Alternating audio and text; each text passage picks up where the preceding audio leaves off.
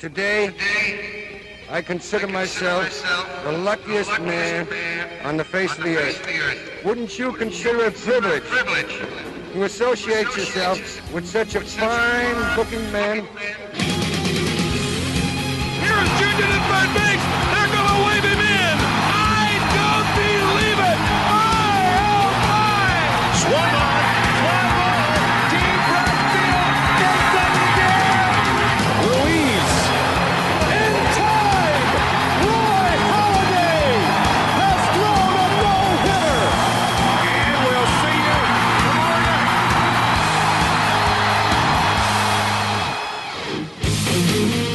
Hebben we het net uitgebreid over de schorsing van Robinson Cano gehad, dan kunnen we een week later weer aan de bak over dopers, want Wellington Castillo mag 80 wedstrijden toekijken en Carlos Gomez heeft gezegd dat hij niets gelooft van random drug tests.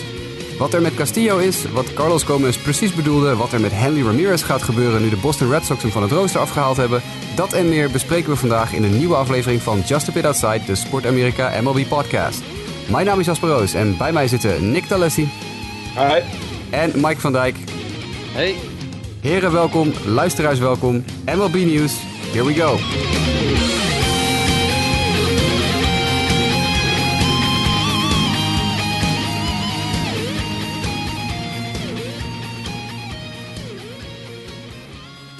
Ja, dan beginnen we zoals altijd met het moment van de week. En Nick, ik wil graag deze keer eh, bij jou beginnen. Wat was voor jou het moment van de afgelopen week? Ja, mijn moment van de week komt niet eens uit de MLB. Het komt namelijk uit de minor leagues. Eh, de laatste rehab start van Alex Reyes van de Cardinals is inmiddels achter de rug. Eh, zijn rehab starts, eh, hij heeft er vier gemaakt. Daarin 23 innings gegooid en 44 strikeouts. En een ERA van 0,00. Eh, het is nu bekend geworden dat hij woensdag de rotation gaat joinen van de Cardinals. Dus dat is mijn moment van de week. We- Ik kijk erg uit naar woensdag. Ja, Maar ja, fantastisch. Alex Reyes, wat een baas. Ja, en, en het is nog mooier. Woensdag spelen ze namelijk op een normaal tijdstip hier in Nederland, tien over zeven s'avonds. En het is voor een ieder te zien op Facebook. Dus je hoeft helemaal geen abonnementje, niks te hebben. Iedereen kan Alex Reyes gaan bekijken. Nou, dit is denk ik wel de tip van de week inderdaad. Lekker allemaal op Facebook als je Facebook-account nog hebt... en niet eh, Arjen Lubach zijn, eh, zijn plan achterna bent gegaan... is het zeker de moeite waard inderdaad om Alex Reyes te gaan bekijken komende woensdag. Mike, wat was jouw moment van deze week? Ik ga voor een landgenoot van ons. Andrelton Simmons had een vangbal tegen de Toronto Blue Jays afgelopen week. Nou, dat was echt instant reaction op een, eh, op een klap die eh, Josh Donaldson sloeg. En Donaldson keek ook echt van... Wow, dit is echt bizar hoe snel jij deze bal wist te vangen. En bij het landing kwam hij ook echt vol terecht op zijn op kin, leek het wel. Maar eh, business as usual voor Andrelton Simmons. Maar dat blijft mij toch verbazen hoor, zijn goede veldwerk. Defensieve wizard is hij, Andrelton Simmons. Eh, mijn moment van de week is eh Glaber Torres. Eh, iedereen weet hoe ontzettend ik van de, de jonge gasten ben in de majors. En ja, wat Glaber loopt te doen in de majors op dit moment bij de Yankees is fantastisch. Hij sloeg van de week vijf home runs in vier wedstrijden achter elkaar. Dus niet vijf home runs per wedstrijd, maar vijf in totaal. Hij is daarmee de jongste speler sinds Miguel Cabrera die dat voor elkaar krijgt. En dat is toch wel heel aardig gezelschap om bij in één adem genoemd te worden. Dus Glaber is fantastisch bezig. Ik vond het jammer dat ik eh, tegen hem moest in fantasy deze week. Want anders eh, was het allemaal iets makkelijker geweest voor me. Maar goed, die vijf home runs die, eh, stop ik dan maar eventjes in mijn achterzak voor nu. Ehm, ja, wat kunnen we zeggen over Glaber, jongens? Oh, dat fantastisch, maar ja, must-see TV. ja Massie TV, hopelijk houdt hij het vol. Tja, nou ja, we zullen het zien. Iemand die het niet vol gaat houden, en dan swingen we gelijk het MLB-nieuws van deze week in, is Henley Ramirez. Want de Red Sox hebben besloten om hem eh, min of meer ja, de laan uit te sturen. Klinkt altijd wat gemeen, maar ze hebben een DFA op hem losgelaten. Oftewel, Henley Ramirez is designated for assignment van het roster afgehaald. Eh, waarom, jongens? Nick, enig idee? Waarom is Henley eh, bij de Red Sox weggehaald van het roster? Ja, prestaties denk ik ten eerste. En dan vaak zie je nog wel dat als mensen niet presteren, maar wel een heel groot contract hebben, dat ze, ze nog een aantal kansen blijven krijgen. Maar met Henry, die heeft ook nog een vesting option voor volgend jaar met een aantal plate appearances. En dat maakt het toch voor de Red wat makkelijker om te zeggen, nou ja, tot hier en niet verder. We hebben prima eh, vervanging staan. En eh, het schijnt ook nog zo te zijn dat Henry eh, niet zo goed zou kunnen omgaan met het verlies van speeltijd. Ik weet niet of jullie dat gehoord hebben. Nou ja, ik, ik hoorde wel dat hij inderdaad een beetje... dat dat wat Alex Cora gezegd heeft. Ik geloof dat, het, dat Dave Dombrowski het een beetje verkoopt nu als... het was Alex Cora's idee om hem, om hem te dumpen. Inderdaad, vanwege het feit dat ze bang waren dat hij eh, niet zo gelukkig zou worden van het eh, gebrek aan speeltijd. Maar ik denk vooral inderdaad dat het het financiële plaatje is geweest. Mike, had jij eh, toevallig op een rijtje hoe dat ook weer zat? Hoeveel geld het ook weer was? Ja, ze moeten of uh, 15 miljoen betalen om hem nu eigenlijk uh, af te kopen. Uh, of als hij dus, ik geloof iets van 497 plate appearances haalt. en hij staat op dit moment op 177. dan zou hij nog een keer voor 22 miljoen dollar aan de haak zitten voor volgend seizoen. ja, dus ergens is het een besparing door nu, laat maar zeggen, de boete te betalen. Ik vind het in die zin wel opvallend dat je dan nu al in het seizoen besluit om, om dat ja, om die uh, eh, 15 miljoen te eten. Uh, je kan wat dat betreft denk ik uh, toch wel wat langer aankijken of Henry Ramirez iets beter kan spelen dan wat hij nu doet. maar Cora gaf aan duidelijk de voorkeur te hebben voor nu op het eerste honk aan Mitch Moreland. En ja, dat is de vrijheid die de Boston Red Sox hebben. Maar ik vond het op zich wel opvallend om zo'n ja, eigenlijk toch wel grote naam. hoewel die de laatste twee seizoenen niet heel geweldig aan slag staat te spelen als je het mij vraagt. Uh, niet de Henley zoals we hem kennen uit zijn, goede, zijn hele goede jaren. Uh, vond ik het toch een opvallende move. Ja, het was om eh, ruimte te maken voor Dustin Pedroia, hè, die terugkeerde bij de Red Sox in de line-up, die terugkwam van zijn blessure. Dus er moest ja. ruimte gecreëerd worden. En ja, dan ga je kijken wie kunnen we lozen en waar kunnen we geld besparen. De Red Sox hebben een vermogen aan free agent contracten die, van spelers die niet meer op het roster staan, die ze nog steeds door moeten betalen. Henley wordt er daar ook weer eentje van. Uh, de, de Pablo Sandoval is dat er eentje geweest. Volgens mij had je ook nog uh, Alan Craig, waar een enorme smak geld naartoe gegaan is. Waar ze ook nog steeds een miljoen voor moeten betalen dit jaar. Dus het, uh, ja, de Red Sox die gooien weer lekker met geld. ja, ze staan bovenaan, of in ieder geval, ze staan vrij goed ervoor in de stand en dergelijke. Dus ja, weet je, ze kunnen het hebben. Niemand ja. die ze hier second guess, denk ik. Nee, dat denk ik ook niet. Uh, wie wel even stevig second guess moet worden, de keuzes die hij maakt in zijn leven, is, uh, is Wellington Castillo, de catcher van de White Sox. Want het zal niemand ontgaan zijn dat hij uh, gepakt is op het gebruik van een prestatiebevorderend middel. Het was geen steroïde deze keer, wat normaal gesproken natuurlijk in honkbal zijn het eigenlijk altijd steroïdeschorsingen. of masking agents van steroïdes. Maar in dit geval, Wellington Castillo is geschorst voor het gebruik van EPO. Bestaat dat nog, Nick? Het bestaat nog, niet alleen in het wielrennen blijkbaar. Nee, Wellington Castillo, ja, het is, hij is volgens mij voor zijn tijd bij de White Sox al gepakt, of niet? Dat is wat ik ook begrepen heb, ja. Het zijn tests uit het off-season voordat hij uh, uh, bij de White Sox tekende. Dat, uh, dat, is hetzelfde als bij Cano. Ook Cano's tests waren van net voor springtraining of in springtraining. Daar gaat het ook een paar maanden overheen soms. Vind dus, ik gek trouwens, dat daar zoveel tijd overheen ja, moet gaan. vind ik ook. Ik weet ook niet, ja, misschien dat MLB 100% zeker wil zijn... dat ze geen, geen steekjes laten vallen in de zoektocht naar de waarheid of zo. Nee, je krijgt gelijk dan een appeal waarschijnlijk vanuit de speler zelf. Maar dan toch, weet je, ik bedoel, uh, stel Castillo uh, had een iets betere start dan wat hij tot op heden heeft laten zien. Ja, dan heeft een ploeg wel heel veel voordeel van zo'n zo'n momentje. Ja, nou ja, goed. Het, hij is gepakt op het gebruik van EPO, dat natuurlijk een, een soort bloed, een vorm van bloeddoping is, die ervoor zorgt, zorgt dat je meer rode bloedcellen in je bloed aanmaakt, waardoor je langer uh, een prestatie kan leveren. Dus het is waarschijnlijk vooral gedaan met doel om in het offseason sterker te worden. En niet, het heeft geen nut gehad tijdens het seizoen voor hem, maar het was meer van het sterker worden voor het seizoen. Maar goed, hij is, uh, hij is de klos, 80 wedstrijden. Uh, dat maakt voor de White Sox natuurlijk op zich niet zo heel veel uit, want veel slechter kunnen ze toch niet spelen met hem.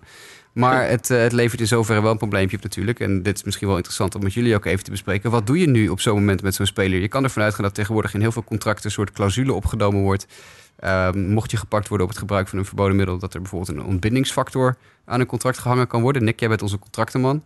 Uh, wat, wat, wat moeten de White Sox doen? Moeten die nu zeggen van, nou ja, we, we, we gebruiken zo'n clausule als ze hem hebben om Castillo maar gelijk uh, te dumpen? Of gaan we nog, uh, hij heeft nog een contract tot en met eind volgend jaar, nog een keer 14 miljoen dollar of zo volgend jaar. Wat, wat, wat zou jij met hem doen, Nick? Met, met veel van dat soort spelers denk ik dat teams de overweging maken. Hoe goed kunnen ze nog zijn na zo'n schorsing? Kijk, Starling Marte vorig jaar die hou je natuurlijk binnenboord. En ook een, een Robinson Cano hou je binnenboord. Maar ik kan me voorstellen dat de White Sox denken, ja, we tekenen zo'n jongen voor het jaar. En eigenlijk is hij daarvoor al gepakt. Uh, dat, die heeft natuurlijk minder binding en ook wat minder perspectief bij zo'n team. Ik denk dat veel afhangt inderdaad van een, prestatie en het potentie van zo'n speler. Dus ik denk dat de White Sox misschien wel afscheid gaan nemen van uh, Wellington Castillo, de ja, beef. Ja, beef, ik, vind, beef Wellington. Ja. Beef Wellington, ja, ja. Nou, ik vind dat er ook wel een heel ander punt te maken of, uh, uh, is om, om Castillo eventueel van zijn contract te ontbinden. En dat is de White Sox tekenen deze speler begin van dit seizoen voor twee jaar en 15 miljoen dollar. Ook om een beetje veteran presence erbij te halen. En als dit dan het voorbeeld is wat je zet voor, laat maar zeggen, de rest van het team, dan kan ik me voorstellen als je de jonge core hebt van de White Sox, gewoon vanuit een moreel oogpunt, dat je denkt van ja, weet je, is dit dan uh, de speler op wie wij uh, voor een periode gaan bouwen en, en die de ervaring uh, over moet brengen aan de jeugd? Dit lijkt me niet het goede voorbeeld. Nee. sowieso vind ik het jammer, maar dat is een bredere discussie in de MLB. we hebben het vorig jaar denk ik een stuk of vier gevallen gehad van PED-schorsingen. En dit jaar, ja, het is nu deze periode, deze periode weer hebben we er weer een stuk of twee, drie. Ja, ik ben toch teleurgesteld over dat zoveel spelers en met zulke namen toch iedere keer door de mand vallen. Dat ik denk van, wat wil je hier nou mee winnen? Ja, nee, dat ben ik helemaal met je eens. Het, aan de ene kant is het een positieve ontwikkeling dat blijkbaar MLB's antidopingprogramma werkt. Want ze pakken nou, heel veel mensen. Niet, niet iedereen natuurlijk, maar relatief gezien best het zo over. ja, precies. Ja.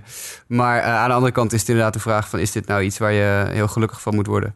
Ik denk dat... Uh, ja, de White Sox hebben geen catchers. Nul, niks. Ze hebben nu een gozer in de Major League staan die zijn Major League debuut maakt. Omdat alle andere catchers in AAA en AA geblesseerd zijn.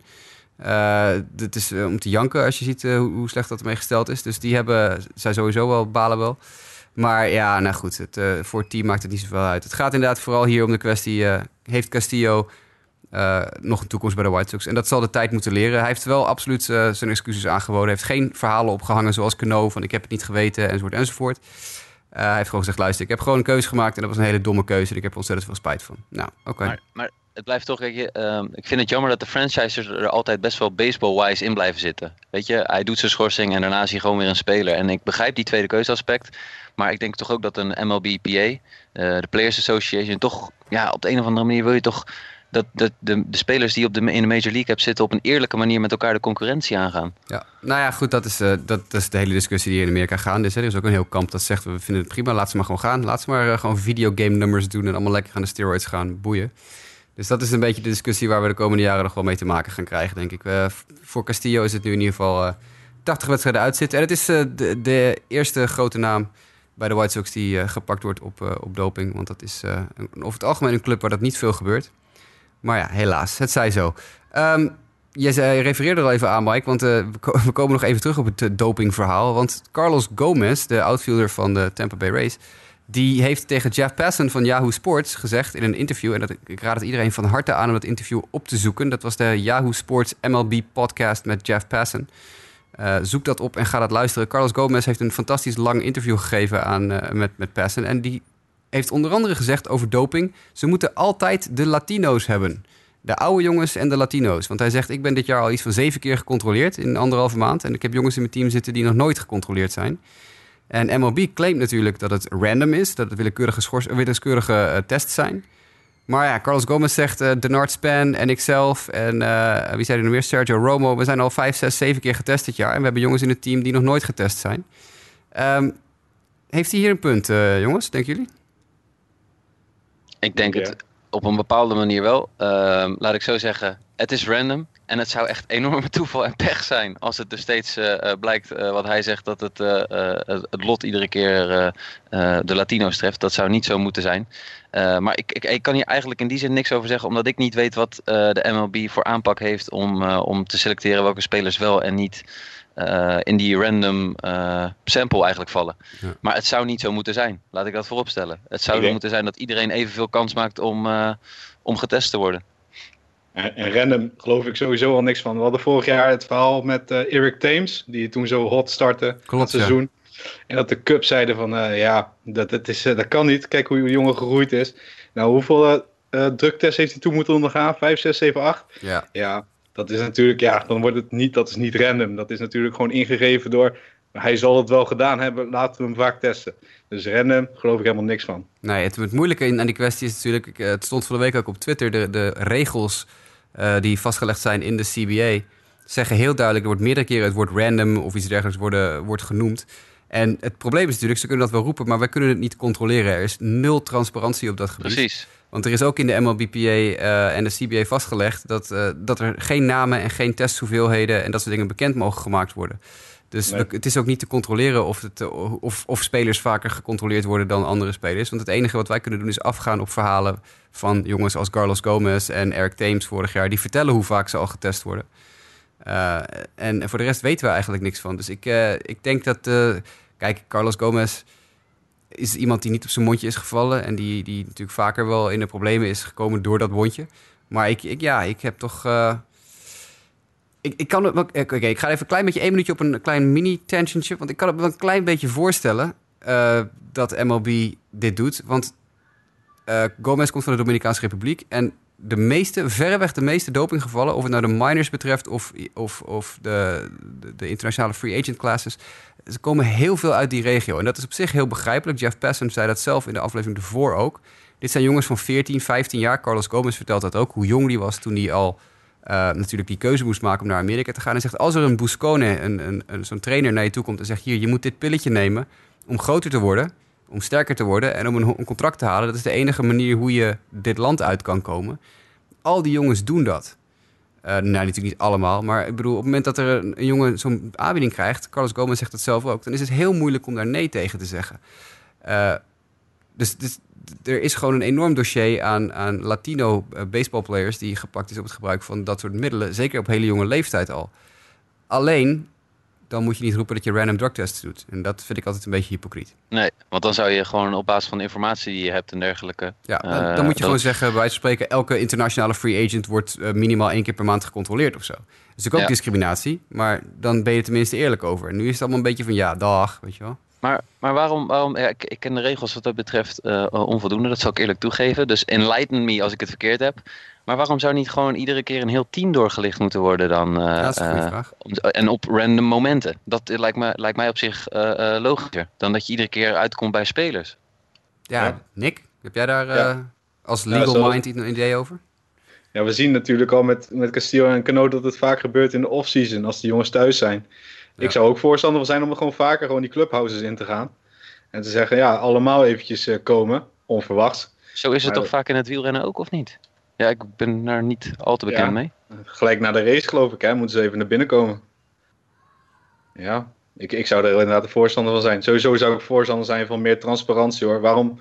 Ik snap wel als je positieve resultaten even onder de hoed houdt. Van, nou ja, misschien is het wel anders dan dat deze test laat zien. Maar we kunnen toch gewoon met z'n allen, mogen toch wel weten hoe vaak een bepaalde jongen is getest. Het is toch niks verkeerds aan. Nee. Ik, eh, dat doet alleen maar de geloofwaardigheid van de sport goed. Want je ziet nu ook, als je op Twitter gaat en eh, een jongen slaat er een bal uit. Nee, bij mijn eigen team nou, Gorkis Hernandez. Slaat er ineens vijf uit. Vorig jaar de speler met de meeste appearances zonder home run. Ja. Slaat er vijf uit. Ja, en dan dit jaar vijf. En dan zie je al, dan weet je al, je, je klikt het aan en alleen maar doped up, doped up, eh, Ja. use- using steroids. Ja, waarom mogen we niet zien hoe vaak Gorkis getest is dit jaar? Ja. Dan heb je gelijk, ja, Ja, nee, absoluut. Dat is wat, eh wat eh Eric Thames vorig jaar deed. Hè. Die heeft gewoon op een gegeven moment gezegd... ik ben zo vaak getest al. X, x aantal keer. En dat, nou ja, goed, dat is dat te controleren. Dus als dat niet waar zou zijn... dan had iemand dat ongetwijfeld wel eh, gelekt naar de pers. ja. Maar ja, goed. Ehm, we, we houden dit wel in de gaten... want twee gevallen in korte tijd na elkaar... is denk ik niet goed voor de sport. We blijven wel even bij de Tampa Bay Rays... want die waren van de week weer met andere trucage bezig. Namelijk bullpenning. Die, eh, die hadden weer de, de lol gevonden in het laten starten van een wedstrijd... door eh, reliever Sergio Romero... en die dan na één inning eraf gehaald werd. En we hebben een mailback-vraag hierover gehad van Otto via Twitter... Eh, Otto die, die stuurde op, de, op de website The Ringer stond een artikel over het gebruiken van een reliever als starter, zoals de Rays deden met Sergio Romo. Hoe denken jullie over deze strategie? Laten we daarmee beginnen. Hoe denken wij over deze strategie, Mike? Nou, ik, eh, als ik denk dat er één ploeg is die deze strategie aandurft en ermee wil experimenteren, dan zijn het wel de Tampa Bay Rays, gegeven hun eh, positie in de stand. En eh, sinds Joe Madden-era eigenlijk het experimentele aanpak die ze nog wel eens hebben op basis van statistieken. Ja, ik ben er persoonlijk niet heel erg fan van, maar daarin ben ik ook wat oldschool. Ik denk dat als je een goede pitcher hebt die gewoon de eerste eh, paar innings goed door kan komen en dat je het daarna over kan dragen aan een sterke bullpen die eh, net wat minder lang kan gooien, uh, dan denk ik dat dat het, de recipe voor succes is. Maar goed, ik laat de Tampa Bay Rays graag mijn ongelijk bewijzen. Uh, Joe Madden gaf wel ook aan, toevallig als reactie hierop, dat hij zegt van ja, weet je, als je dit echt wil doorvoeren, dan moet je dit ook al langere jaren in de minor leagues doen, zodat de mensen die het in de major league moeten uitvoeren er ook bekend mee zijn ja. en, uh, en erop ingesteld zijn. En ja, dit is, ik, ik denk dat dit een paar keer gewoon experimenteren is van de Tampa Bay Rays, kijken hoe het bevalt.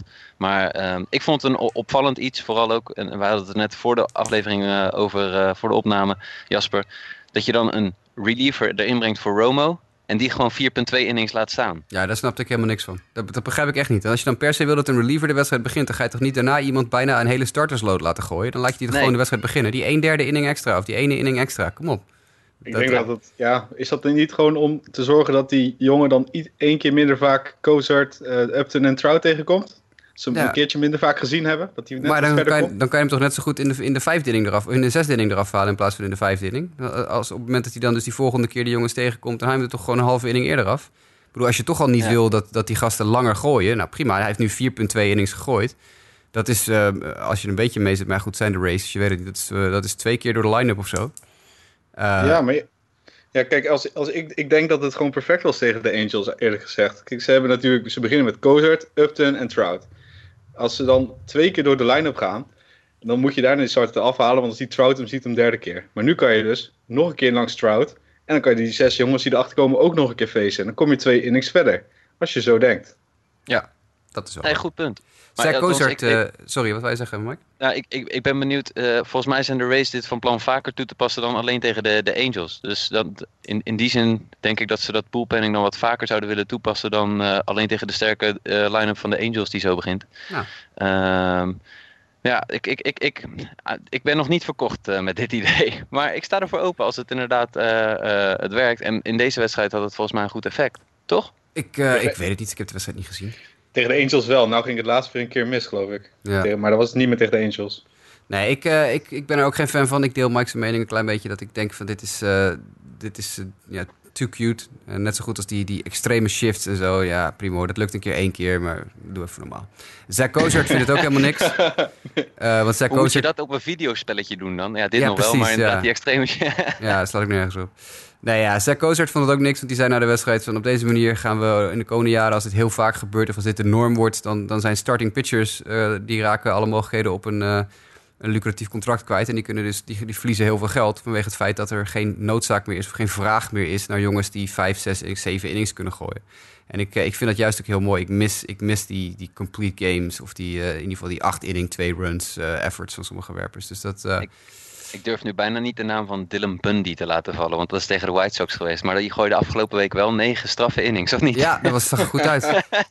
Ik heb die wedstrijd toevallig zitten kijken. Het waren weliswaar 14 strikeouts, maar daar was het ook echt wel mee gezegd hoor. Hij kreeg een paar ontzettende lasers om zijn oren. Maar eh, nee, het was een, eh, het was een eh, heel, heel mooie wedstrijd. Eh gooide, die, gooide die prima. Een bom van een drie-run homerun kreeg hij tegen, dat dan weer wel. Van een, een of andere quadruple A-player die je waarschijnlijk nooit meer zal zien na dit jaar. Maar nee, dat was, was leuk om te kijken. Dat, daar hou ik dus wel van. Ik wil gewoon een werper lange innings zien gooien, lange wedstrijden zien gooien. Verlander vind ik daar een van de uitstervende voorbeelden van. Eh, Cole Hamels was er zo ook zo eentje die eindeloos door kon gooien. En ik vind het jammer dat dat aan het uitsterven is. Maar dat is een ander punt. We blijven nog even bij Tampa Bay. We hebben nu drie keer scheepsrecht, drie keer Tampa Bay op een rijtje. Want de Mariners maakten een trade met Tampa Bay. Want Denard Span en Alex Colomé werden richting Seattle gestuurd... in ruil voor werper- werpers Andrew Moore en Tommy Romero. Eh, wat, eh, wat kan je ons vertellen over deze trade, Mike? Vanuit misschien het perspectief van de Mariners? Yes, nou ja, de Mariners hadden ergens een niet. Want we, hebben het, eh, of jullie hebben het de vorige keer gehad over eh, ja, Robinson Cano, die natuurlijk een lange schorsing eh, uitzit op dit moment. En niet veel later brak Dee Gordon, die centerfield speelde, eh, zijn teen. En eh, eigenlijk de plek van, hoe heet het, Robinson Cano op moest gaan vangen op het tweede honk. Dus daarmee was er een vacature ontstaan in het, in het outfield. Dus toen gingen de Mariners in ieder geval kijken naar een speler die centerfield voor ze kon overnemen. En die vonden ze op zich in Denard Span. Daarnaast was er ook nog een reliever van Seattle, David Phelps, als ik me, niet, eh, als ik me goed herinner. eh, die geblesseerd is geraakt en Tommy John surgery nodig heeft. Waardoor ook er een vacature was in de bullpen. En vandaar dat de Tampa Bay Rays werden benaderd om deze twee spelers eh, ja, over te nemen. Uh, Colomé ook niet bezig aan een heel geweldig seizoen als je het vergelijkt met vorig, vorig jaar, vind ik. Ehm, dus ja, ze hebben twee redelijke spelers, twee opvullers eigenlijk in het roster nu met, eh met Colomé en, eh en Denard Span. Ja, het had ook waarschijnlijk toch in grote mate weer te maken met een geldkwestie, denk ik hier. Want Ja. eh, de- natuurlijk, de schorsing van Cano levert de Mariners 11 miljoen dollar op. Want de schorsing is onbetaald. Dus die 11 miljoen die ze normaal gesproken aan hem moeten betalen in die 80 dagen, die blijft nu op de bank staan. Dus die hebben ze precies ge- kunnen gebruiken voor Denard Span, want die verdienen ongeveer evenveel dit jaar. Dus het is een, een druppel in een, in een, in een emmer water voor, eh, voor de Mariners. Ehm, Nick, eh, wat, wat doen de Rays hier? Ja, die, die voegen twee, eh, twee gokjes toe, twee jonge armen. Moore is pas 23 en die doet het eigenlijk prima dit jaar in de double, in de double E, las ik. Ehm, een eh, 3.04 ERA en 3.36k per eh, walk ratio. En die andere jongen is natuurlijk pas 20 hè, en die, die, ja, dat is gewoon een pure gok. Ik denk ze hebben inderdaad het financiële kant is denk ik doorslaggevend hier. En eh, ze voegen twee armen toe die eventueel wel wat kunnen. Kijk, eh Moore die heeft wel de MLB gegooid. Dus dat zou je kunnen zien als een MLB-ready arm. En dat is toch een mooie, mooie hal, zoals ze dat dan zeggen, voor, eh voor Colomé die inderdaad heel wispelturig is. En Denard Span die gewoon zwaar overbetaald is. Ja, nou, of die zwaar overbetaald is, weet ik niet. Hij heeft dit jaar inderdaad tot nu toe de eerste zes weken, zes, zeven, acht weken zijn niet zo heel denderend. Maar die heeft wel voldoende track record dat ik eh, wel het vertrouw heb dat hij eventueel het schip kan rechten. En hij is natuurlijk niet de closer in Seattle, hè, nu, denk ik. Nee, het blijft Edwin Diaz. Ja, dat lijkt me ook. Dus dan wordt Colomé zijn setup man, denk ik. Ja, dat, dat zou je wel zeggen. Kijk, de Colomé ze hadden behoefte aan een right-handed reliever, eh, las ik de manager zeggen. Ja. Nou, dat, dat, dat heeft Colomé wel. En hij kan natuurlijk een strikeout gooien wanneer het moet. Eh, inderdaad, een, een typische setup man. Maar ik twijfel of uh, Colomé het type jongen is die in non-safe situations het wel zo goed gaat doen. Maar jij baalt natuurlijk een beetje, want volgens mij had jij hem in fantasy. ik baal al. Ik, ik zit al de hele week. en niemand wil mij een closer verkopen op dit moment.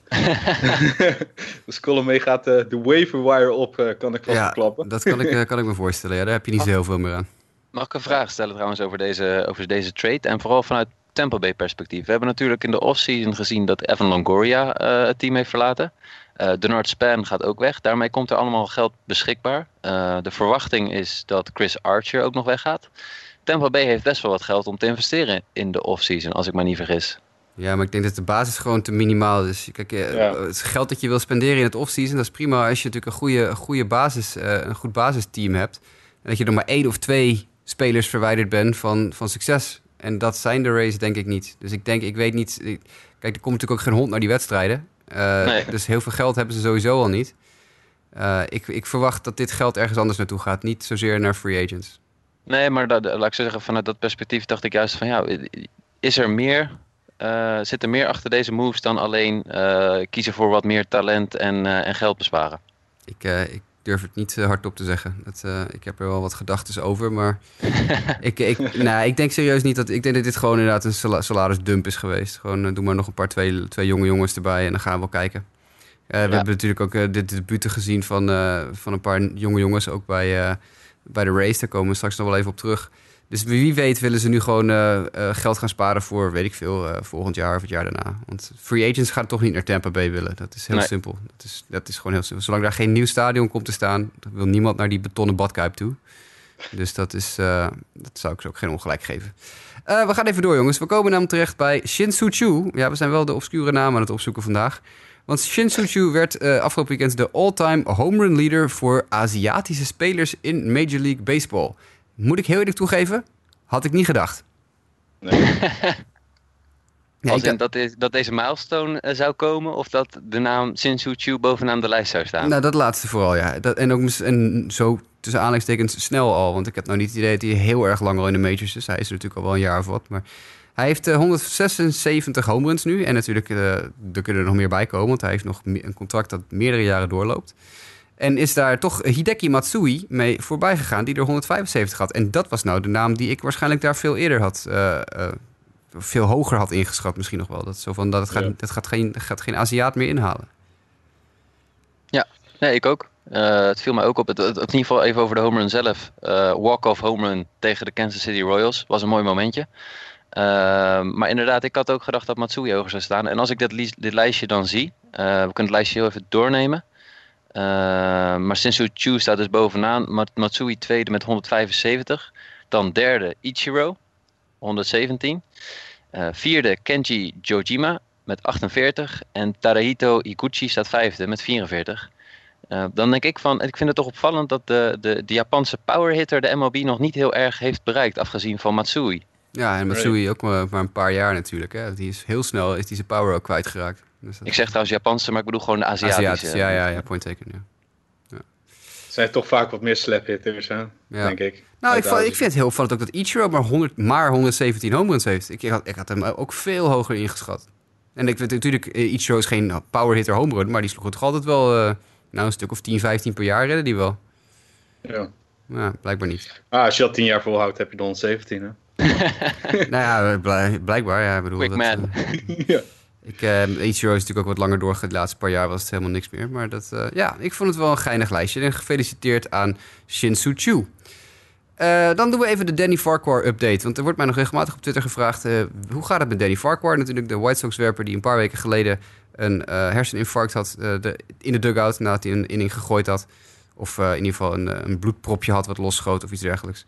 Nou, het gaat beter met Danny Farquhar. Hij is weer naar huis. En nu kwam gisteren naar buiten dat hij op 1 juni... de ceremoniële eerste pitch gaat gooien bij een White Sox-wedstrijd. Eh, dus Danny Farquhar staat weer op twee benen en functioneert weer... En hopelijk eh, zien we hem in de loop van eh, de komende paar jaar weer terug op een honkbalveld. Ik denk dat we daar allemaal het wel over eens zijn. ja. Yes. Lenny Dijkstra, jongens. We gaan het over Lenny Dijkstra hebben. En het is jammer dat Lionel er niet is. Want dit is een, weer een naam uit de generatie Lionel en ik. eh, de, de wat oldschool honkballers.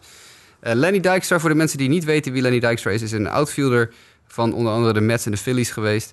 Die, eh, nou, pak een beetje begin jaren 80 tot eh, nou, half in de jaren 90... laten we zeggen 80, 96, 80 tot 96 ongeveer... actief was in de Major League. En Lenny Dijkstra was een beetje een mafkees, toen al. Eh, een, beetje een apart figuur. Die, nou ja, er zijn interviews op YouTube te vinden... waar eh, gewoon overduidelijk is nu, met de kennis van nu... dat Lenny Dijkstra stijf van de doping stond. Stijf van de steroïden. Die heeft, eh, was eh, de eerste generatie steroïden... hardcore steroïdengebruikers in, in Major League Baseball. En die is gearresteerd van de week na een dreigement richting een Uber-chauffeur. Hij heeft een pistool tegen het hoofd van zijn Uber-chauffeur gezet. En de, die heeft hem toen bij de politiebureau afgezet. En daar is ook nog cocaïne, wiet en ecstasy aangetroffen bij Lenny Dijkstra. Jongens, wat is er met Lenny Dijkstra? zeg jij het maar. Ik, ik vond het verhaal tot nu toe eh, interessant worden. Ja, het is knettergek, joh. Ja, die is niet goed. Die is niet goed. Nee, hij heeft ontkend, hij ontkent dat hij eh, de bedreiging heeft gedaan. Hij zegt dat de, de, de Uber-chauffeur hem ontvoerd had. Ai. Straks blijkt dat hij in een zelfrijdende Uber heeft gezeten, maar nee. Jongens, jongens. Nou ja, Lenny Oh, Dijkstra oh. is al meerdere keren in het nieuws geweest... wat dat betreft de laatste vijf à tien jaar. Hij is al een keer heeft hij een, een hotelkamer helemaal aan gort geslagen. Eh, toen heeft hij eh, enorme boete gekregen en dat soort dingen wel meer. Maar ik vroeg me vooral af, want ik zat erover na te denken... en, en, en misschien zijn dit wat namen die, die niet iedereen 1, 2, 3 tevoorschijn tovert... maar Lenny Dijkstra komt uit een generatie echte, echte hardcore maloten. Want we noemen even een Albert Bell, ook zo'n slugger uit diezelfde periode, ietsje later... Ook een hardcore steroïdegebruiker. Die ehm, een week of wat geleden is opgepakt omdat hij zijn zaakje uit zijn broek had eh, gehangen. En dat even aan iedereen liet zien die op straat langs hem heen liep. Eh José Canseco, algemeen bekend, is al, al tien jaar helemaal de kluts kwijt. Misschien wel langer. Die rare boeken schrijft en rare dingen op Twitter gooit. En weet ik het allemaal. Echt knettergek. Eh, Dwight Gooden, de Mets pitcher, die eh, zwaar aan de coke en aan allerlei andere drugs is geweest. Daryl Strawberry, die verhalen vertelde over alle seks die hij tijdens wedstrijden in de dugout of in de clubhouse had. En als hij dan even, dan was hij DH of zo, dan had hij even tijd over. Ging hij even het clubhuis in en dan kwam hij er tien minuten later weer uit en dan kon hij weer verder. Eh, wat is er met die hele generatie maloot, joh? Die luisteren echt knettergek. Sammy Sosa ook, helemaal doorgedraaid. eh, ook ook zo'n steroïde gebruiker. Is, is daar een link? Ik, ik, ik hoor jou eigenlijk eh, opperen om een, om een studie te starten naar de, de bijwerkingen Ja. van langdurig gebruik. eh, Of Nee, nog beter, zet er een videocamera op en maak er een reality tv show van. Oh ja, ja, ja, ja. er zijn ongetwijfeld Amerikaanse productiemaatschappijen die dit zojuist bedacht hebben. Moet je je voorstellen dat je Lenny Dijkstra, Albert Bell, José Canseco en Daryl Strawberry in één huis gooit. Nou, dat wordt echt een gekke huis, man. Dat wordt hilarisch. Ja. Ik zou dat Ja. doen. Dat zou ik dan wel kijken. Nou, John de Mol. Ja, nou, John, doe, Ja, doe er wat aan. Maar ergens is het natuurlijk wel enorm triest dat dit soort gasten zo het padje afgaan. Ja. Eh, eh, ooit heel erg bekend om, om wat ze presteerden op het honkbalveld. Zij het eh, eh, met hulp van. Maar eh, ja, dat dit dan, ja, ik word er alleen maar triest van, van dit soort verhalen. Het is echt... eh, Ik, Ja. ik zou het denk ik Keeping Up with Canseco noemen. Dat lijkt me wel, lijkt me wel aardig. Maar goed, laten we even snel doorgaan. want Dit was even gewoon een malloterij tussendoor. Want er is nog een malloot. Of althans in ieder geval een speler die we al een aantal keer genoemd hebben. En volgens mij heeft Lionel ook een maand of wat geleden nog een artikel over deze comeback geschreven. Want Rafael Palmero keert... wie kent hem nog? Ja, wie kent hem nog niet? Het is Baltimore Orioles slugger. Eh 500 home runs plus en 3000 hits. Een van de weinige spelers in de geschiedenis die dat gehaald heeft. Maar ook een notoren doper. Die, ik geloof in 2005 aan het begin van het jaar tegenover Congress nog verklaarde dat hij nooit doping gebruikte en het ook nooit zou doen. En aan het eind van het jaar werd hij gepakt. Dus dat is dan ook altijd weer zo eh, lekker. Maar die is nu inmiddels 53 jaar en die is een comeback aan het maken, want die speelt nu in Independent Ball. En die had van de week zijn eerste hit. Hebben jullie hem gezien? Nee. Ik Nee. zag hem staan en ik vond hem niet de moeite waard om aan te klikken. Ja, het was een home run. Dat dan Ja. weer wel. Zijn eerste hit. Maar ja, goed. Eh, Ja, net als Tim Tebow, denk ik, hè. ja, eh, een, een, een kapotte klok is ook twee keer per dag. eh, eh, heeft ook bij het juiste eind. Maar, maar begreep ik het nou goed? Hij wilde terugkeren in de MLB. 53-jarige leeftijd, dat is het idee? Dat is wel eh, een beetje het idee geweest, ja. Dat, eh, ik denk dat hij daar een klein beetje van terug is gekomen toen hij merkte dat er niet heel veel animo was. Maar het eh, oorspronkelijke plan was inderdaad eh, om terug te keren. Hij kon nog steeds slaan, zei hij, en dat ging hij dus ook maar even doen. Maar eh, nou goed, uiteindelijk heeft hij bij het Independent Ball team, Independent League team van zijn zoon, zijn zoon speelt er ook, is, hij, is hij bij gaan, gaan, gaan ballen. En nou ja, goed, oké. Ik, ik zie hem niet terugkomen hoor in de majors op zijn 53ste. Nee. Zijn de rechten voor die tv-show nog wel beschikbaar? Ja, dat is, is ook op zich wel een Netflix-documentaire, kunnen we daaraan wijden hoor, aan die gozer. Echt, nou goed. Eh honkballers, eh, af en toe hebben ze een beetje moeite met alles op een rijtje te houden, blijkbaar. Ehm, even kijken, wat hebben we nog meer? We hebben succesvolle debuten, waar we het nog even over moeten hebben. Nick, jij wil vast wel praten over Juan Soto. Ja, gewoon Soto. Natuurlijk eh, naar de majors gehaald door de Nationals. Een beetje met de bestuurders in het outfield en met Eaton en alles. Ehm, hij, hij, kwam het, hij, hij heeft de eerste drie wedstrijden zes keer on base van de negen. Home run. Drie singles. Een dubbel. Het is ongelooflijk wat hij presteert aan het begin. Ja, gewoon Soto. Ik, ik, hij blijft blijkbaar. Hij, is- hij sloeg gisteren tweede in de line-up bij de Nationals. Nou, dat eh, betekent wel dat ze hem eh, echt zien zitten en dat hij echt here to stay is. Ja, ik denk het ook. Hij is jong, hè? Man, man. 19. 19.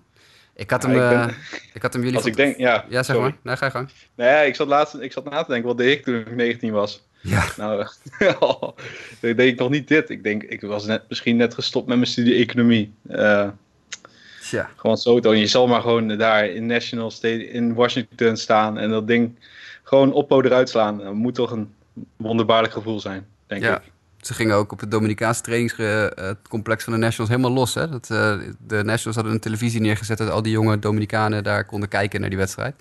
Die gingen helemaal uit hun plaat. Dat was een mooi, Ja. mooi filmpje op Twitter. Dat was, eh, Gewoon naartoe dat ding van de, van de bed afkwam al. Hè? Dat, Ja. die, die wachten niet tot, dat, tot hij er echt uit is. Die wisten het. Dat Ja. is een heel mooi filmpje. fantastisch. Ik eh, legde hem wel even aan jullie voor eh, voor de uitzending. En ik heb nog niet jullie het goede antwoord gegeven. Dus tenzij jullie hele goede Google skills hebben. Eh er is namelijk een leuk triviant vraagje. En dan kunnen mensen thuis ook even meespelen. Juan Soto werd met zijn homerun de jongste speler met, de home, met een homerun in de majors sinds wie? Ja. En ik noemde dus eh eh, Ozzy Albies. En ik geloof dat jij, Nick, eh, Ronald Acuna riep. Ja, en Bryce Harper. Maar Ja. dat waren ze alle drie niet. Dus. Alle drie staan die ook niet eens in de top 5.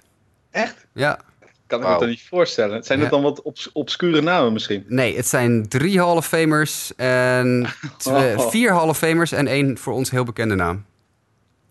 Vier half Nee, het, het zijn drie, drie Hall of Famers moet ik zeggen. Eentje die op de lijst stond dit jaar, maar niet, nog niet gehaald heeft. En eentje die wat jonger is nog. Als je zegt bekende naam, zou ik bijna Andrew Jones zeggen. Maar Andrew Jones is correct. Die is, Kijk. nummer, die is nummer drie. Die was 19 jaar en 134 dagen oud toen hij zijn eerste home run sloeg. Applaus. Dan heb je er één. Nou, kom jongens, jullie kunnen er vast nog wel eentje bij verzinnen. Ik weet het zeker. zal, zal, eh, eh, een voorzichtige gok, eh, eh, Alex Rodriguez? Nee, maar je zit wel een klein beetje in de buurt. Zelfde club. Recente Hall of Famer. Cent Hall of Famer van de Yankees, hè? Nee. Waar is eh, Rodriguez Ken begonnen? Griffey. Ken Ken Griffey. Jr., heel goed. Nummer 4 op de lijst. Die was 19 jaar en 195 dagen.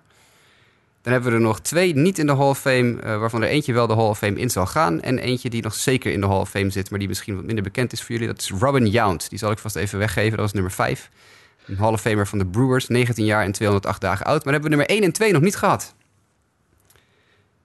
Allebei nog actief, allebei actief in de majors, allebei bij hetzelfde team op dit moment. Eén van de twee gaat zeker weten de Hall of Fame in als hij over een jaar of twee stopt.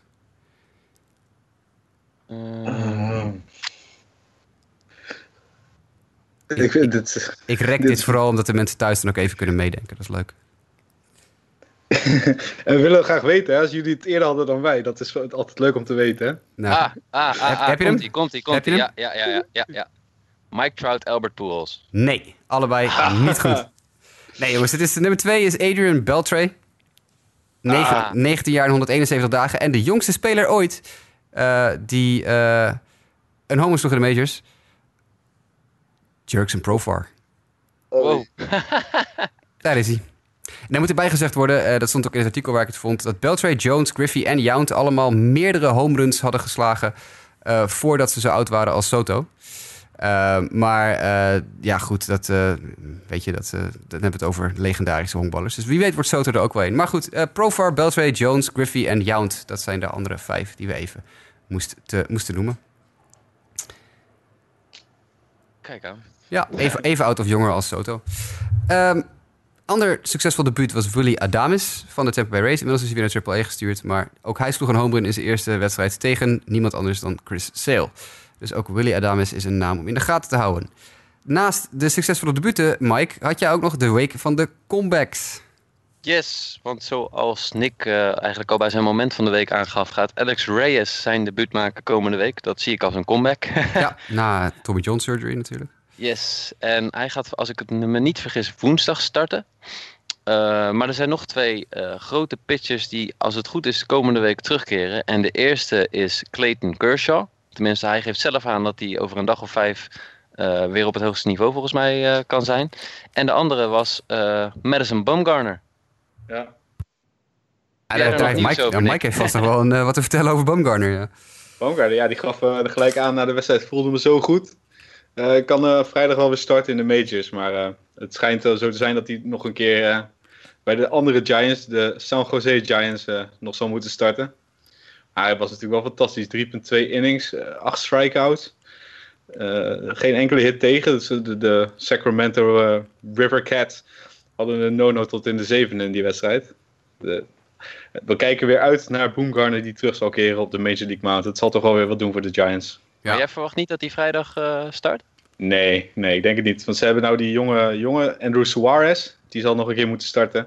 Ja, en als, dan kan hij precies kan hij nog met eh, een rehab start maken. En dan op, op regular rest, dan zal hij over ongeveer anderhalve week zal hij zijn debuut gaan maken, denk ik.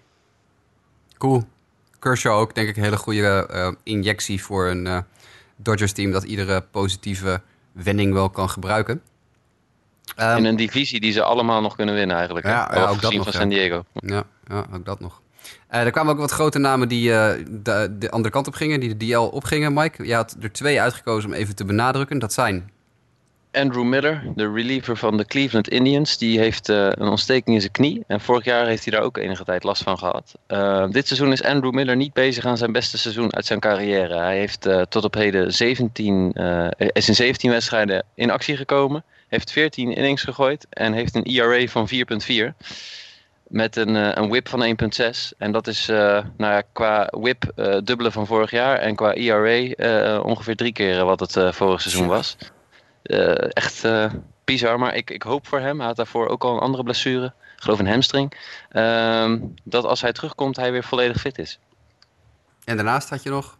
Eh Hugh Darvish, de starting pitcher van de Cubs. Ik geloof dat jij het was die zei toen de Cubs hem tekenden voor al dat geld. Nou, hij heeft wel een blessurelijst die hij mee, zich meebrengt. En hij heeft nu last van tendonitis aan zijn triceps. Ja, dat is, zat er wel een beetje aan te komen. De Cubs hebben het een beetje gek lopen doen met hem. Die hebben hem de een keer op de DL gezet, geloof ik, of gescratcht van een start vanwege flu-like symptoms. Maar nu heeft hij dus inderdaad eh, ontsteking aan zijn triceps. Dus voorlopig even geen Hugh Darvish en Andrew Miller. Wat we voorlopig wel hebben, en daar wil ik de luisteraars even enorm voor bedanken. We hebben een heel erg goed gevulde mailbag deze week. Want we hebben maar liefst vijf vragen van drie verschillende luisteraars.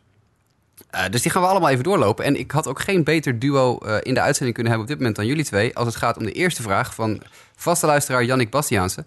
Die iets wil weten over een team uit jullie divisie. Namelijk de San Diego Padres. Jannik vraagt zich af hoe ver zijn de Padres verwijderd van een winning season of zelfs de playoffs. als je kijkt naar hun enorme voorraad aan prospects. Nou heren, eh, NL West Watchers dat jullie zijn, eh, barst maar los. ja, ik denk dat ik Yannick moet teleurstellen. Ik denk dat dat nog. eh, ik weet niet of dat überhaupt eh, in, de, in de close future eh, behaalbaar is. Ze zijn natuurlijk geen big market team. Dus ze zullen al die jongens dan tegelijk klaar moeten hebben. Ze investeren nu natuurlijk wel in Hosmer. Ehm, ik denk dat de Padres in zo'n divisie. Kijk, ik ben nog steeds van overtuigd als vervent Giants fan dat de Dodgers gaan er de komende, nou ze dat zeggen, vijf, zes jaar gaan ze ermee vandoor. Dus ik zou zeggen, nou ja, uh, probeer het nog eens in zeven of acht jaar. Nou ja, ik denk op zich een winning season moet wel binnen een jaar of drie te realiseren zijn. Ervan uitgaande dat alle talent dat ze hebben daadwerkelijk uh, uh, hun potentie waarmaakt. Uh, en hier en daar zie je nu ook al best wel leuke dingen in het team. ik moet zeggen, Christian Villanueva de afgelopen weken die is best wel goed bezig. Maar je moet een heel team hebben wat in ieder geval goed presteert.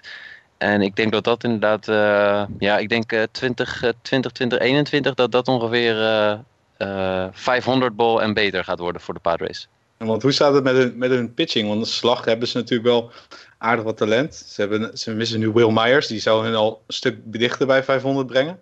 Maar die starting pitching in de minors, weten jullie daar iets van? Jasper wel, volgens mij, toch? Ja, ze zijn wat jong nog. Uh, ze, ze, hebben net een paar, uh, paar jongens door laten stromen. Eric Lauer, is, uh, die wordt met behoorlijk van de heuvel afgetimmerd. Ja. Um, we hebben natuurlijk Joey Lucchesi gezien begin van het jaar. Nu is hij helaas even op de DL en dat ziet er ook niet heel erg denderend uit. Dus dat kan nog wel eens wat langer gaan duren dan, dan verwacht. ze hebben vorig jaar Mackenzie Gore gedraft, maar ja, dat is een high schooler, dus dit duurde wel een paar jaar. ze hebben die jongen die ze van de Red Sox overgenomen hebben een paar jaar geleden. Anderson Espinoza heet hij geloof ik uit mijn hoofd. Nou, die was ook echt een supertalent, maar die heeft Tommy John ondergaan. Dus dat, die is ook even kwijt. Uh, dus ik denk ook uh, dat de, de Padres dit jaar weer pitching gaan draften. Ja. Als ik eerlijk ben. Ja, ik ben het wel eens met Mike. Een winning season is wel binnen handbereik over een aantal jaar. Maar playoffs... Ik, ik zie toch ja, de Dodgers echt een, echt een uh, dynasty bouwen daar. Sorry. Tja. Ja, ik ben er ook bang voor.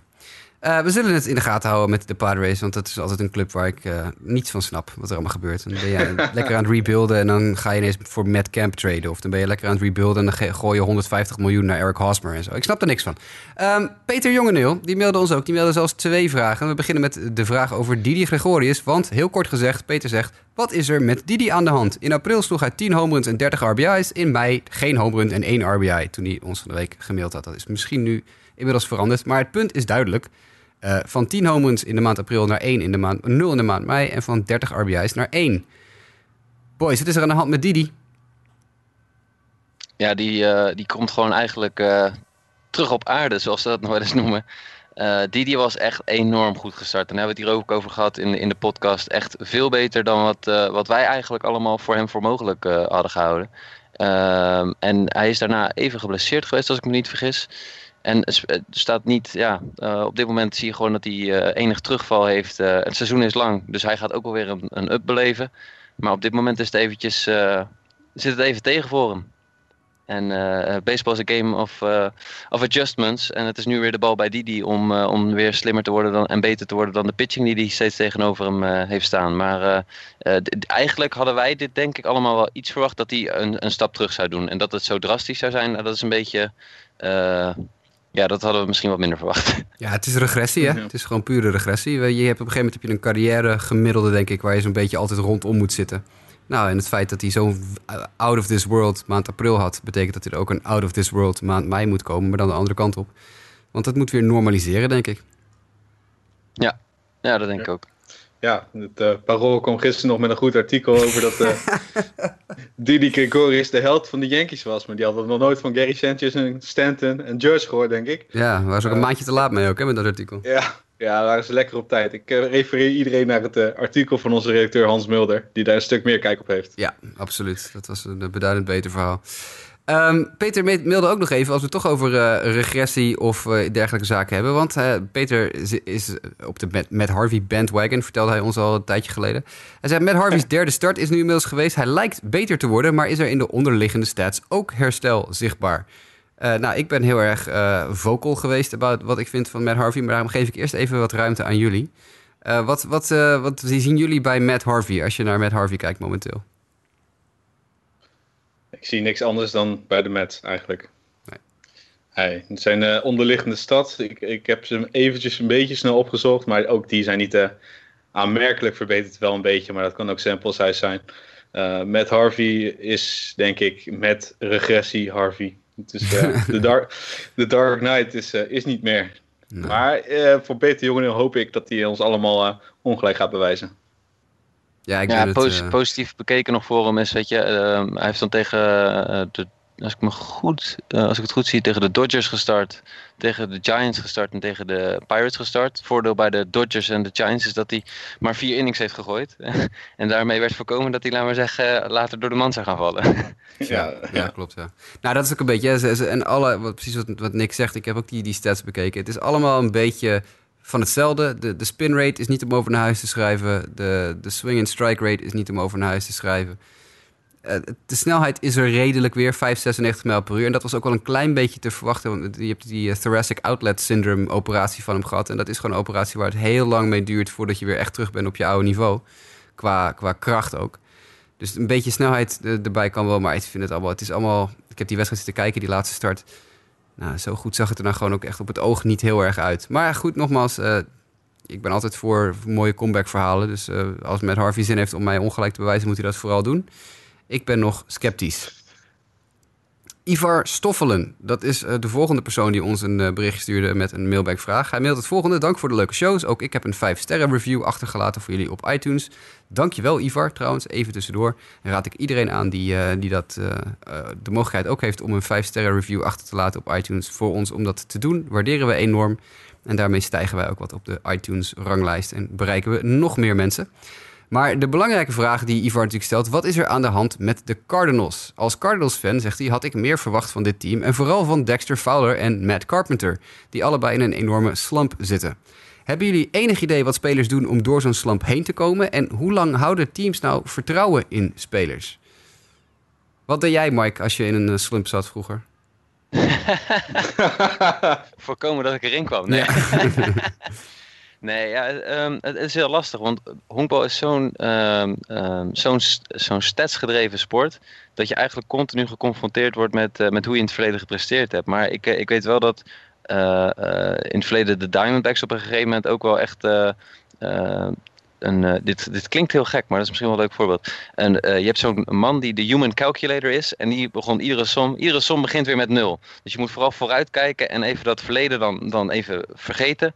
En proberen positief te kijken van en hoe kan ik het op de volgende manier beter doen. En eh, ja, mensen zeggen het ook. Hè, honkbal is een sport waar, waar het falen eigenlijk.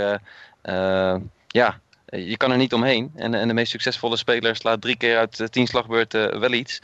Ehm, dus ja, je moet gewoon eh, positief blijven en, en upbeat. Maar om echt door een slump heen te komen, ikzelf, nee, ik, eh, grind it out. Maar ja, dat is, eh, dat is niet altijd even makkelijk. Ehm, jij hebt eh, als Diamondbacks-fan eh, wel te maken gehad met eh, Mark Grace, hè? Die eh, commentator is geweest bij de Diamondbacks een tijdje, volgens mij. Ja, ja.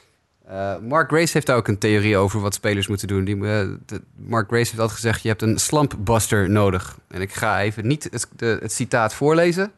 Maar volgens mij heeft eh, Mark Grace is dat, heeft dat ook zijn baan gekost op een gegeven moment. Want dat heeft te maken met een, ja, naar een kroeg gaan en een bepaald soort vrouw zoeken en daar dan wat leuke dingen mee doen. Eh, om- Mark Grace staat ook niet bekend om zijn gedrag buiten het veld. Laat Nee, ik dat nee, even weer precies. vooropstellen. Maar dat is dus een, eh, wat hij altijd zei. Zodra je in een slump zit, dan ging je op, eh, op zoek naar een bepaald soort vrouw in een bepaald soort eh, omgeving. En eh, dan op die manier kon hij de boel weer op de rails krijgen.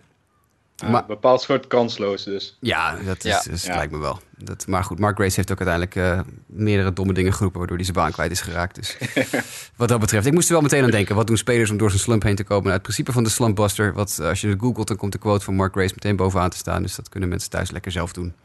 Ehm, maar dan, Nick, de, de, het andere element van deze vraag is... hoe lang houden teams vertrouwen in spelers... op het moment dat je te maken hebt met een bijvoorbeeld Dexter Fowler... die echt onder de 200 slaat... en Carpenter die pas een week of zo weer een klein beetje eruit begint te krabbelen. Eh, hoe zit dat met dat vertrouwen? Ja, potentie en ehm, dollars. Hoe meer je betaalt aan een speler, hoe, hoe langer je geneigd bent het eh, vertrouwen te houden natuurlijk in zo'n speler. Eh, daarom hadden we het net al over met uh, Welling Castillo natuurlijk. Die niet zo heel goed doet en dan ben je toch eerder geneigd om te zeggen, nou, laat maar gaan, 15 miljoen, twee jaar, oké. Een, een prospect met options om terug te gaan naar de miners, die kan je gratis terugsturen. Daar zijn je ook wat minder geduld mee, meestal. Eh, Tenzij je Byron Buxton heet, geloof ik. Ehm, ik denk dat veel afhangt van hoeveel krijg je betaald en hoe lang zit je in je contract. We zien natuurlijk aan een David Price die al jaren niet aan zijn contracten kan uh, tippen. Uh, we zien het aan andere spelers die gewoon eigenlijk niet presteren wat ze moeten presteren. En dan staan de jongens klaar in de minors. Ja, toch maar even vasthouden aan, uh, aan onze eigen jongen, want die kost ons zo en zoveel. Ik denk dat het uh, veel gaat om dollars. Ja, ik ben daar ook bang voor. Maar ja, goed. Ja. Ik bedoel, ja, je kan er niet zoveel van zeggen. Dat, uh, ik denk dat het... Uh, kijk, het hangt ook een beetje af als je sommige spelers hebt die bijvoorbeeld even één keer... En ik neem even Alex Collum mee als voorbeeld, die dit jaar niet zo heel sterk begonnen is. Maar dan kan je zeggen, ja goed, hij heeft wel een track record van meerdere jaren dat het wel weer goed komt. Precies. Dus we denken ja. dat het wel weer goed komt. Maar inderdaad, in de grote mate heeft het denk ik te maken met uh, kijken naar hoeveel geld je verdient. En hoe meer geld je verdient, hoe langer je lijntje is, denk ik. Het ligt ook een beetje aan wat voor team je hebt. Ben je een ja. contender, gaan ze iets uh, zeggen, nou, ga je maar weg. Zie je Henry Ramirez. Ja. En als je dan een trade bait moet worden, zoals Colomé, laatste jaar contract, blijf jij maar lekker closure, jongen. Je gaat het helemaal, uh, helemaal goed doen. Ja. En dan nee. snel weg als hij eventjes hotstreak heeft. Doei. Dat, dat, is ook weer zo. Uh, Ivor, wat, wat, wat, ja, even, wat, wat, wat, deden jullie om een slump up te breken?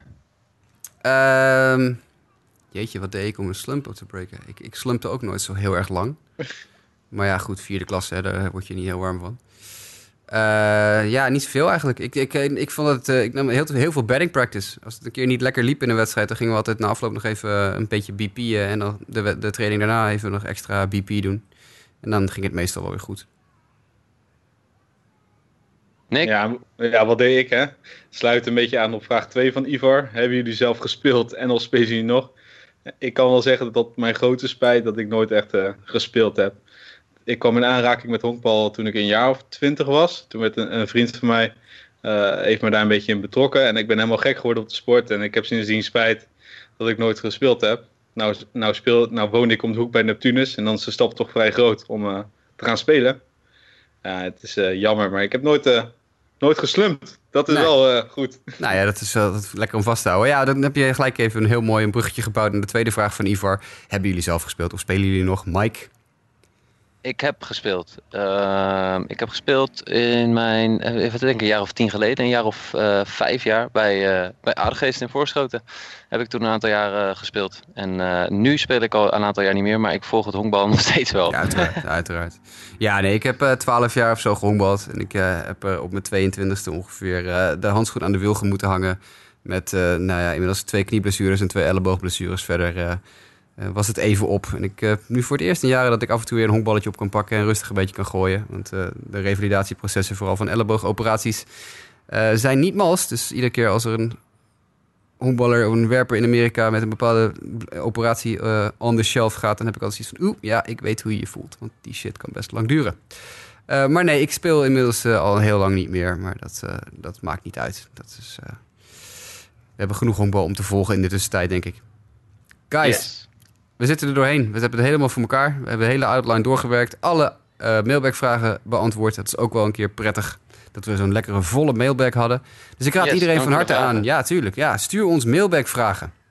Dat kan ja. naar justabitpodcast.gmail.com. Dat kan naar uh, via Twitter naar mdijk90 voor Mike, @inickd van voor Nick, JWKev voor Justin en Jasperoos voor mijzelf. Het kan uiteraard ook naar Sportamerika, want daar zullen we ook een oogje in het zeil houden. En je kan ze ook droppen op facebook.com slash sportamerika. Dat zijn alle manieren hoe je met ons in contact kan komen met vragen of opmerkingen over de show.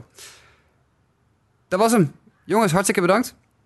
Yes. Ja, graag gedaan, was leuk. Nog een fijne avond. Ga lekker uh, Garrett Cole tegen Trevor Bauer kijken zometeen. ik, ik, hoop dat iedereen het gekeken heeft. Ik denk dat dit uh, op dit moment, als dit online komt, uh, bezig is of geweest is. Nou, ik denk dat het bezig is, want ik denk dat het met een half uurtje wel online staat. Zo. Dus, maar uh, was wel mooi, even nog een klein opmerking over Garrett Cole. Dat uh, zijn zwager, Brandon Crawford, homer ja. van hem is toch nog gezien? Afgelopen week? Ja, vond wel leuk momentje. Ja, heb ik gezien. Ja, ja. Nou, en Bauer, ze, Bauer ja, en Cole zitten toch... Oh, sorry. Ja, ik wil zeggen, Bauer en Cole zitten toch ook college roommates of zo? Ja. Zou kunnen, ja. Ook, uh, ook maatjes van elkaar. Nou, hartstikke mooi. Lekker gaan kijken. Ik zal mijn best doen om die podcast zo snel mogelijk online te kletteren... dat iedereen nog even kan luisteren. En dan is hij even... Oh shit, ik ga ook even Garrett Cole tegen Trevor Bauer kijken. Ik ga dat in ieder geval wel doen. En volgens mij Nick sowieso ook. 100%. 100%. Hey guys, uh, spreek jullie later. Hartstikke bedankt. Luisteraars, tot volgende week.